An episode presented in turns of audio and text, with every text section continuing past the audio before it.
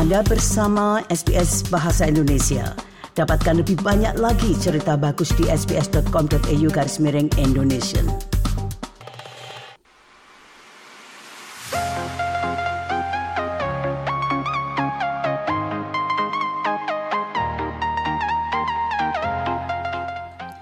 Nah, setiap tanggal 21 Februari itu dirayakan sebagai Hari Bahasa Ibu Internasional. Nah, untuk membahasnya kami mengundang Profesor Rahma Sugi Hartini. Beliau Profesor Ilmu Informasi dari Universitas Erlangga di Surabaya. Selamat siang, Prof. Rahma. Selamat siang, Bu Sri. Dan di jalur yang lain, Dr. Anita Dewi, beliau dosen ilmu informasi dari Universitas Charles Sturt yang saat ini sedang berada di Canberra sebetulnya. Selamat siang, Dr. Anita. Selamat siang Bu Sri. Lah ini malah ketemu Bu Rahma di sini. Nah, memang sengaja. iya. Sengaja ditemukan. Selamat siang ya. Bu Anita. Selamat siang Bu Rahma. Nah, kita tunda dulu Ibu minum kopinya. Nah, di studio ini ada tambahan lagi ini. Kalau dua-duanya itu perempuan, nanti saya dikiranya tidak adil. Jadi kebetulan di studio ada Dr. Paul Thomas dosen di Universitas Deakin. Terima kasih sekali lagi Pak Paul. Eh, terima kasih Bu Sri. Saya sudah siap untuk ngopi. Selamat siang Pak Sama. Hey, Ketemu Wanita, di udara. Ya. Memang SBS Audio itu tempat silaturahmi itu. Tapi untuk kali ini memang kita akan membahas tentang Hari Bahasa Ibu itu. Nah, untuk tahun ini kalau saya tidak keliru temanya adalah multilingual education, a pillar of learning. Jadi memang pendidikan bahasa yang beragam itu memang mendukung pembelajaran. Jadi Prof kalau kita lihat dari temanya itu berarti apa ini yang ingin dikemukakan itu Prof? Ya, seperti yang UNESCO sampaikan bahasa ibu itu sebetulnya sekarang ini sudah mulai perlahan ditinggalkan. Nah, oleh karena itu UNESCO menyampaikan bahwa sebetulnya ketika itu ditinggalkan maka masyarakat itu tidak lagi menghargai keragaman budaya dan bahasa. Padahal UNESCO percaya pentingnya keragaman bahasa dan budaya bagi masyarakat yang berkelanjutan. Uh, masyarakat yang mengembangkan masyarakat yang berkelanjutan itu sebetulnya uh, misinya adalah perdamaian dan mereka ini akan berusaha melestarikan perbedaan budaya dan bahasa yang ujung-ujungnya itu justru menumbuhkan toleransi dan rasa hormat terhadap budaya dan bahasa uh, orang lain. Maka kenapa Hari Bahasa Ibu Internasional itu penting untuk diperingati. Prof, saya ingin menanyakan bagaimana di Indonesia, Prof?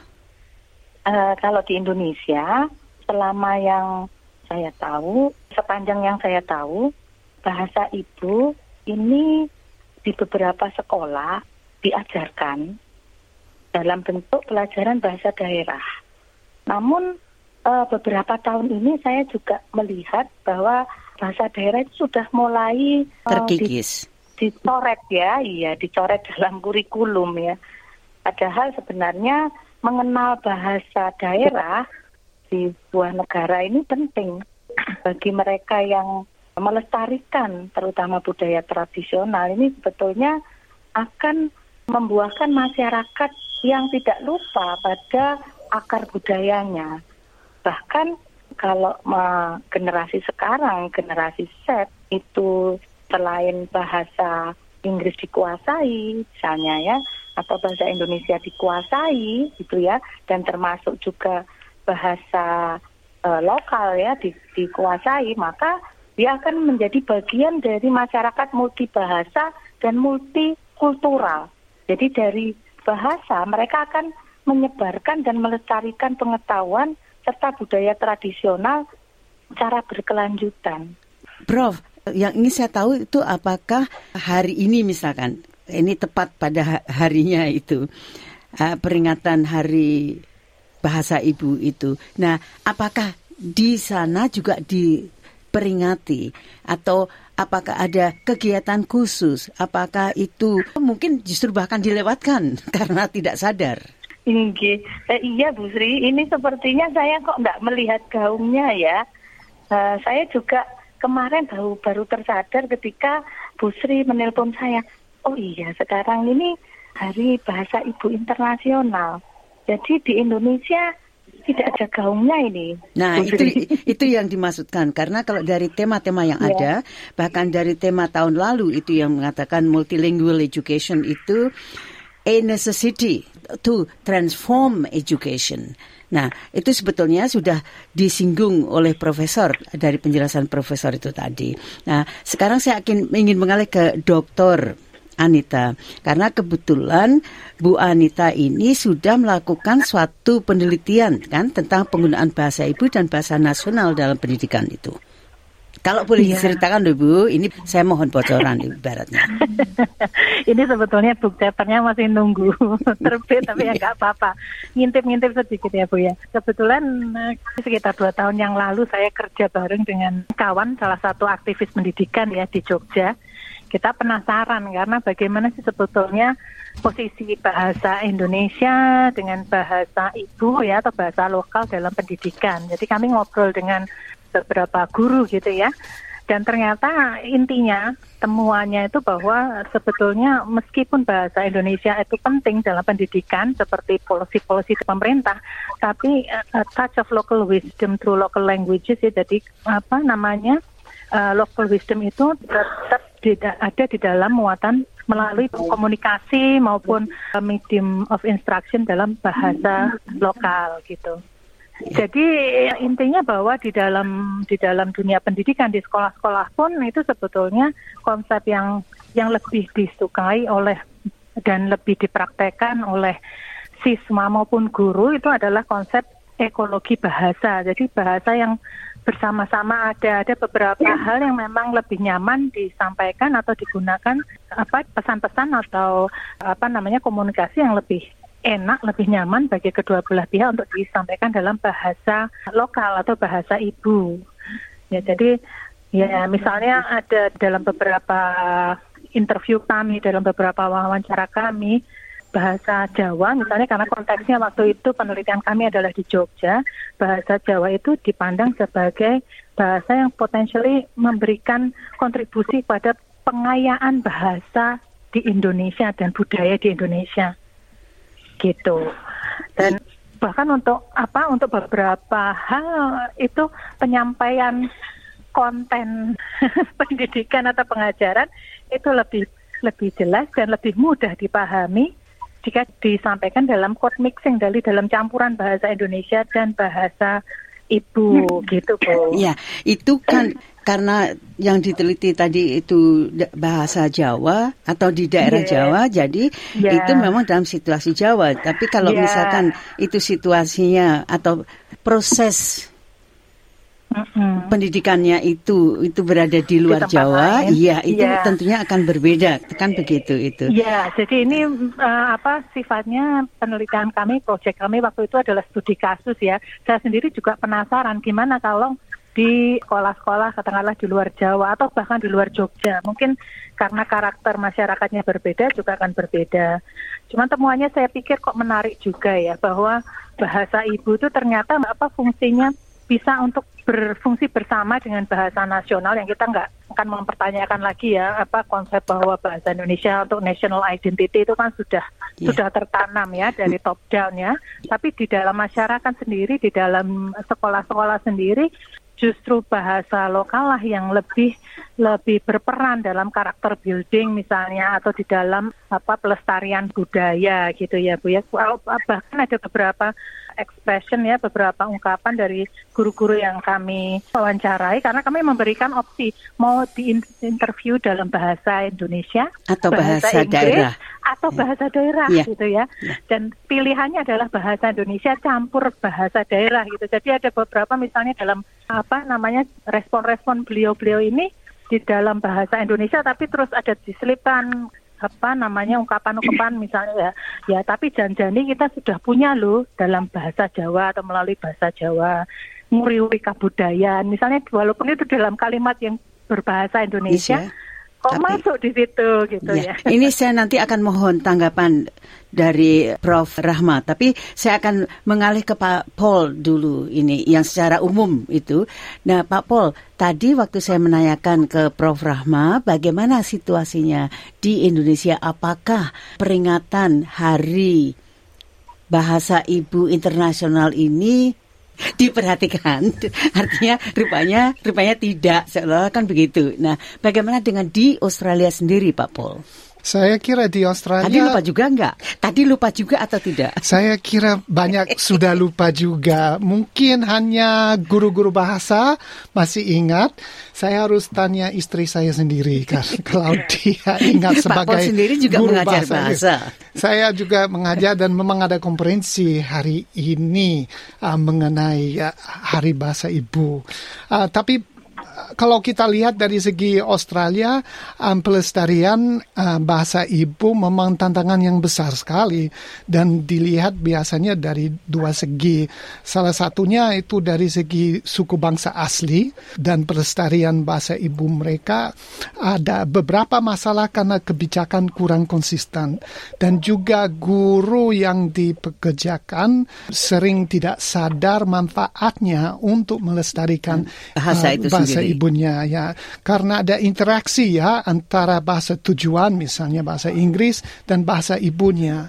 Am, kalau kami tidak sadar atas manfaatnya pasti muridnya mahasiswanya bisa jadi agak bingung. Segi yang lain itu dari segi yang uh, imigran ya pendatang yang ke Australia. Dan itu merupakan tantangan karena begitu banyak bahasa yang uh, ditemukan dalam sekolah-sekolah. Misalnya kalau kita ke kawasan barat Melbourne dan masuk sekolah di situ pasti bisa menemukan uh, mungkin lebih dari 10 11 20 bahasa, Bahasa asing. dan di satu sekolah saja.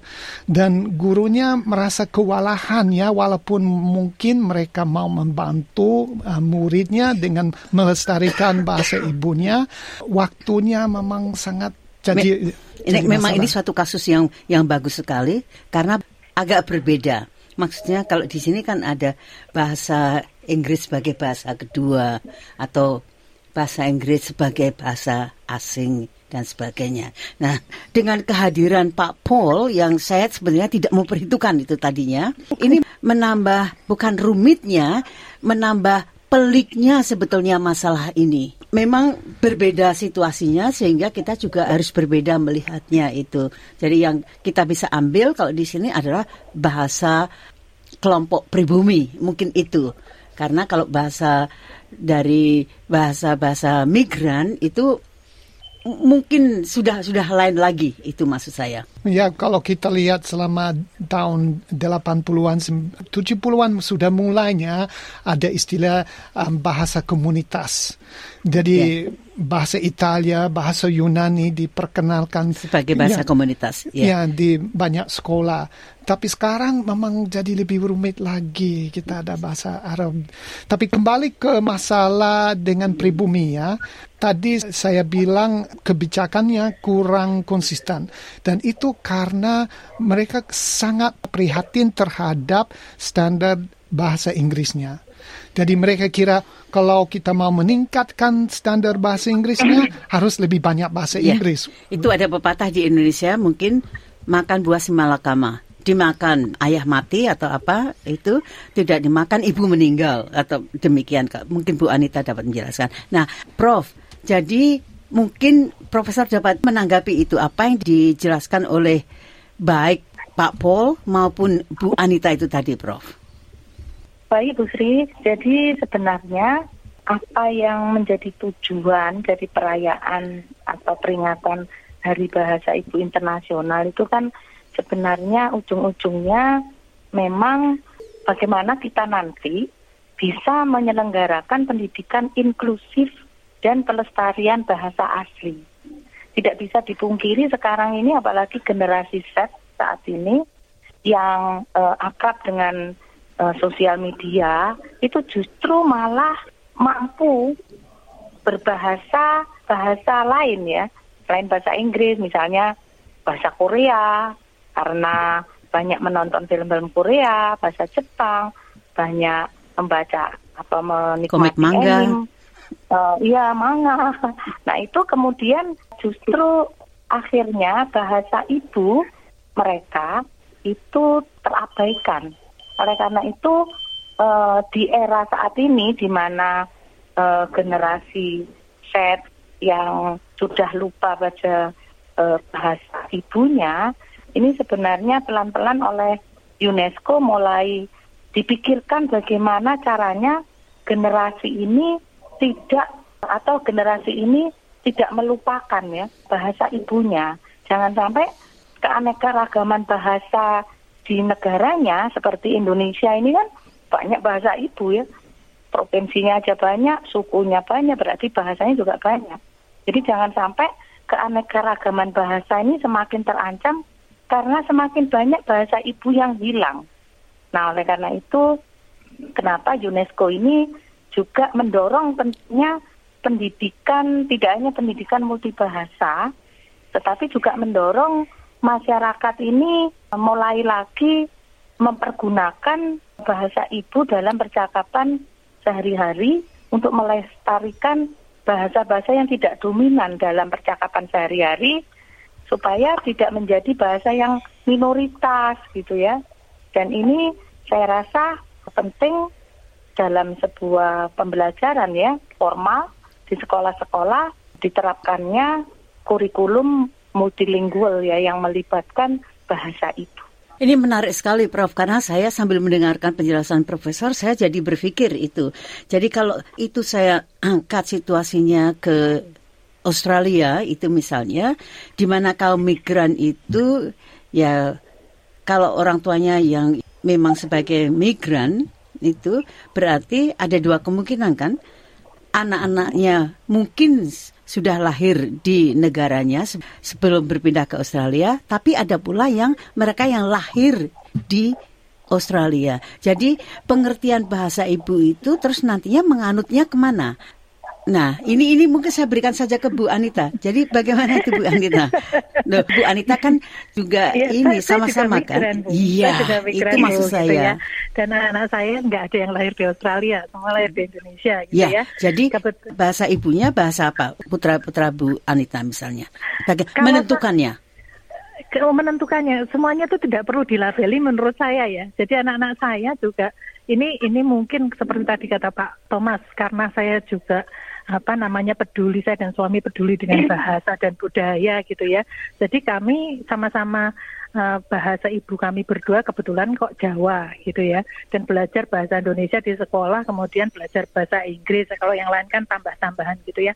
Buat kami loh ya. Jadi buat kami anak-anak tetap harus bisa memahami bahasa Jawa bahasa Indonesia meskipun mereka tinggal di Australia dan lebih kebanyak menggunakan uh, bahasa Inggris dalam kesehariannya di luar rumah gitu. Makanya ini pas sekali loh Bu sebetulnya dengan dengan temanya tahun ini ya tahun 2024 ini kan tema Hari Bahasa Ibu Internasional kan multilingual education is a pillar of intergenerational learning. Jadi yeah. kalau menurut saya ya memang saya menerapkan pada Tepat diri saya sendiri itu bahwa ini sebetulnya uh, tugasnya ini bukan bukan hanya tugas anak-anak yang generasi sekarang lah Gen Z atau apalah yang yang sudah mulai jauh dari bahasa ibu orang tuanya atau bahasa ibunya tapi ini juga merupakan kewajiban orang tua untuk apa namanya berinisiatif dan proaktif ya dalam melestarikan bahasa ibu gitu. Waduh, Bu, ini kita tidak tidak bertatap muka tapi kalau sudah baca itu apa pikiran saya karena saya sudah menulis ini role of the parents itu. Jadi kalau kata, ungkapan dalam bahasa ibu saya bahasa Jawa itu ngerti sak durungi winarah Bu. Sudah Iya, tahu, iya, sudah iya, bisa Bu. menebak. Iya, iya, Bu, iya. Nah, itulah tadi apa namanya? Tadi kan saya menginginkan ya. Jadi kalau orang yang migran itu berarti kalau saya sih jelas saja saya orang Jawa. Nah, ke- kalau anak-anak saya di sini tidak masalah. Jadi bahasa ibu mereka ya bahasa Inggris dari kecil kan begitu. Sekarang saya ingin tanyakan kepada Pak Pol itu. Tadi Bu Anita bilang bahwa tidak perlu dilabelin lah, tidak perlu ada labelnya itu. Menurut Pak Pol bagaimana? Maksudnya tidak perlu label. Ya, Bu Anita kan orang Indonesia, putra putrinya kan lahir di sana. Jadi kalau bahasa ibunya Bu Anita adalah bahasa Jawa. Berarti anak-anak pun kalau mengikuti berarti bahasa ibunya kan juga bahasa Jawa. Tapi karena mereka orang Indonesia, jadi harus belajar bahasa Indonesia. Kan jadi harus mengerti bahasa Indonesia. Nah, pindah ke sini harus berbicara bahasa Inggris. Nah, tapi menurut Bu Anita, wah tidak perlu itu dilabeli mana yang duluan dan sebagainya, begitu. Pak Nah, Pol bagaimana? Well, yang paling bagus, saya setuju dengan Bu Anita bahwa harus mulai dengan orang tuanya, harus mulai dalam suasana rumah karena Keluarga. Keluarga ya, karena anaknya merasa paling nyaman ya dalam lingkungan semacam itu.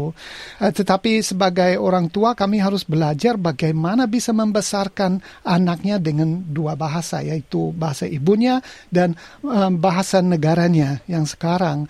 Dan itu tidak gampang ya karena peran harus dikasih kepada masing-masing orang tua ya misalnya kalau mau membesarkan anaknya dengan dua bahasa salah satu orang tuanya harus, Harus pilih taat, ya, disiplin. ya Ya. jadi tidak bisa campur yang paling sulit yang paling membingungkan anaknya dan uh, menimbulkan kekurangan bahasa itu waktu orangnya campur bahasa karena anaknya tidak bisa pikir secara Mana ini? jelas Ya. ya. Jadi saya sudah ikut loka karya ya untuk orang tua untuk belajar bagaimana membesarkan anaknya. Bahasa Ya. atau multibahasa. Dan di dalam keluarga sendiri, ya ibunya dia hanya pakai bahasa Indonesia waktu anak saya lahir, dan saya hanya pakai bahasa Inggris supaya jelas untuk anaknya, um, supaya mereka tidak bingung dengan. Berarti al- aliran almarhum Profesor Klein itu. Ya betul betul. Ya almarhum uh, Klein dia dia cukup jelas dengan pendekatan ini dan memang sudah cukup um, berhasil ya. Saya sudah menyaksi um, keluarga saya sendiri dan memang cukup berhasil. Masalahnya jadi waktu anak masuk sekolah. Um, kalau tidak didukung oleh sekolah pendekatan itu bisa mulai uh, dikikis ya. Nah, ini saya akan kembalikan ke Prof. Rahma itu. Prof, karena tadi sudah ada kalau di Indonesia itu bahasa ibu itu di beberapa sekolah atau sebetulnya sudah disarankan itu termasuk salah satu local content atau apa ya? Muatan lokal. muatan lokal, ya, setempat. ya muatan lokal. lokal. Jadi Prof, sejauh mana kita harus pertahankan muatan lokal itu, terutama yang menyangkut bahasa? Karena ini kan sering di, diabaikan itu.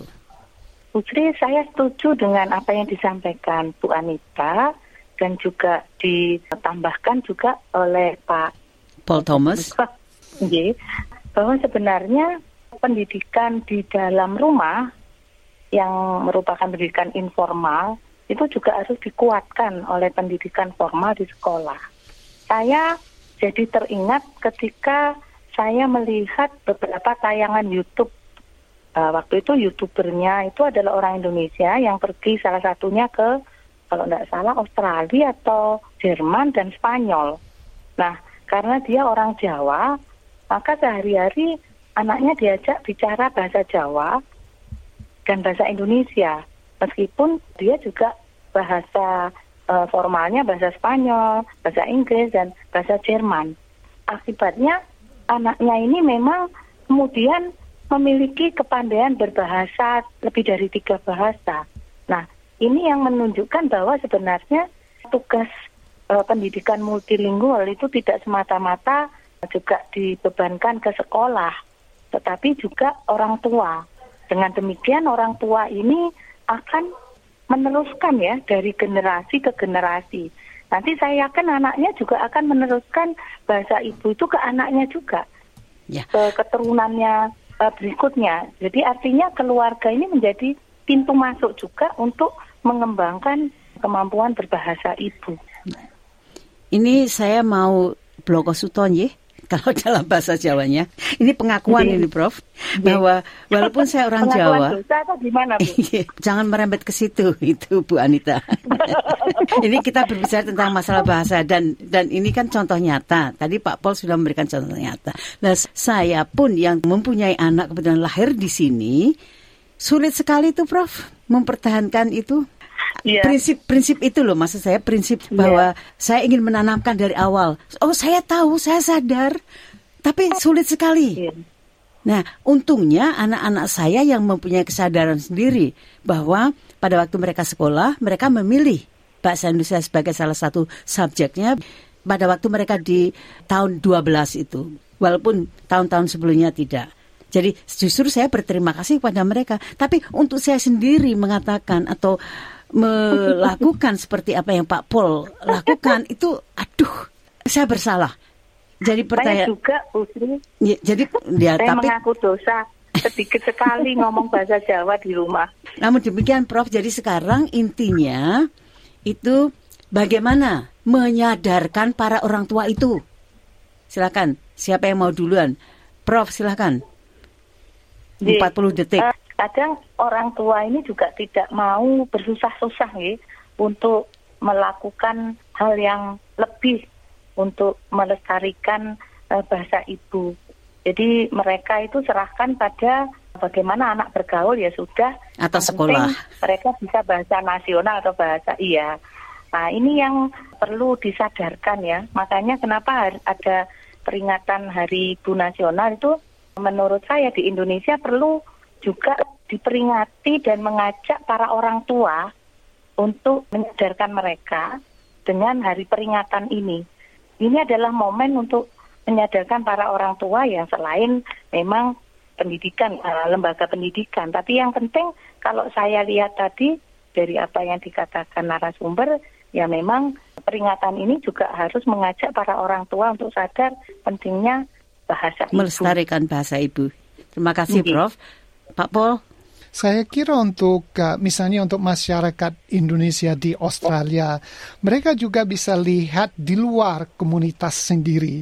Misalnya um, kita bisa lihat komunitas Yunani di sini. Mereka sangat berhasil menahan bahasa ibunya. Dan kita ingin tahu bagaimana mereka um, berhasil ya dengan melestarikan. Cina. Ya. Juga masyarakat ya Tionghoa sangat Vietnam. berhasil juga Vietnam, tapi kalau komunitas Indonesia di Australia kurang berhasil. Hmm. Jadi kita harus tanya mengapa dan uh, mungkin membedakan atau membandingkan pendekatan ya. mungkin kita kurang bangga ya, kurang apa, kurang memiliki dengan bahasa kita Saya sendiri. juga mungkin. kira kalau ya orang Indonesia sampai di Australia mereka sangat khawatir tentang kemampuan bahasa, Bahasa Inggrisnya dan sangat memperhatikan uh, bahasa Inggrisnya. Walaupun mereka sadar bahasa ibunya penting juga, yang diutamakan selalu bahasa Inggris. Ya berarti dianggap kurang penting Dan itu, juga tidak, tidak- diprioritaskan. Juga mungkin tidak sadar tentang masalah campur bahasa dan akibatnya. Kalau kita terus campur bahasa, uh, itu memang juga ada dampak yang agak negatif dengan melestarikan bahasa ibunya. Sebetulnya masih ada satu itu bagaimana peran dari kakek nenek itu dalam melestarikan bahasa ibu. Tapi itu nanti, nanti suatu saat Mhm. itu. Jadi Bu Anita silahkan bagaimana Oke. menyadarkan orang tua. Satu menit ya Bu ya kayaknya waktunya. Oke, ada dua hal. Yang pertama mulai dari diri saya sendiri kalau saya bercermin ya.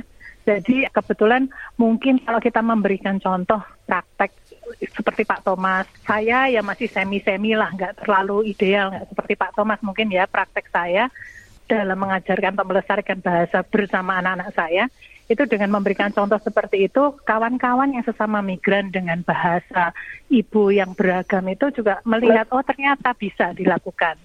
Kemudian yang kedua adalah melalui komunitas. Jadi di tengah masyarakat Indonesia ini kan sebetulnya sudah mulai banyak lagi komunitas-komunitas etnis ya yang bermacam-macam.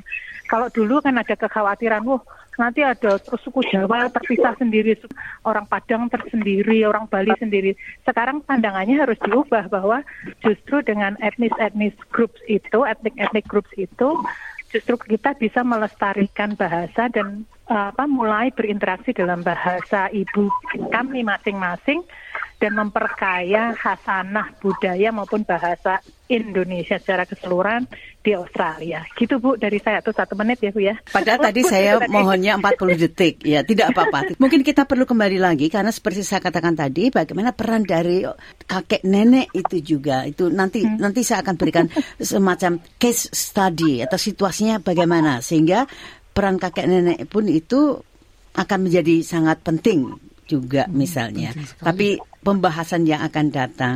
Jadi sekali lagi Profesor Rahma Sugiyartini, Ibu Dr. Anita Dewi dan Bapak Dr. Paul Thomas, terima kasih atas pembahasan mengenai bahasa ibu atau peringatan Hari Bahasa Ibu Internasional ini dan sampai jumpa di lain kesempatan. Selamat sore.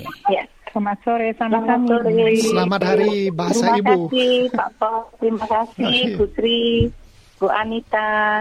Sampai ketemu lagi Bu Rahma, Pak Thomas. Sampai ketemu lagi. Ya. Yes. Selamat sore. Selamat sore. Sehat selalu. Selamat sore.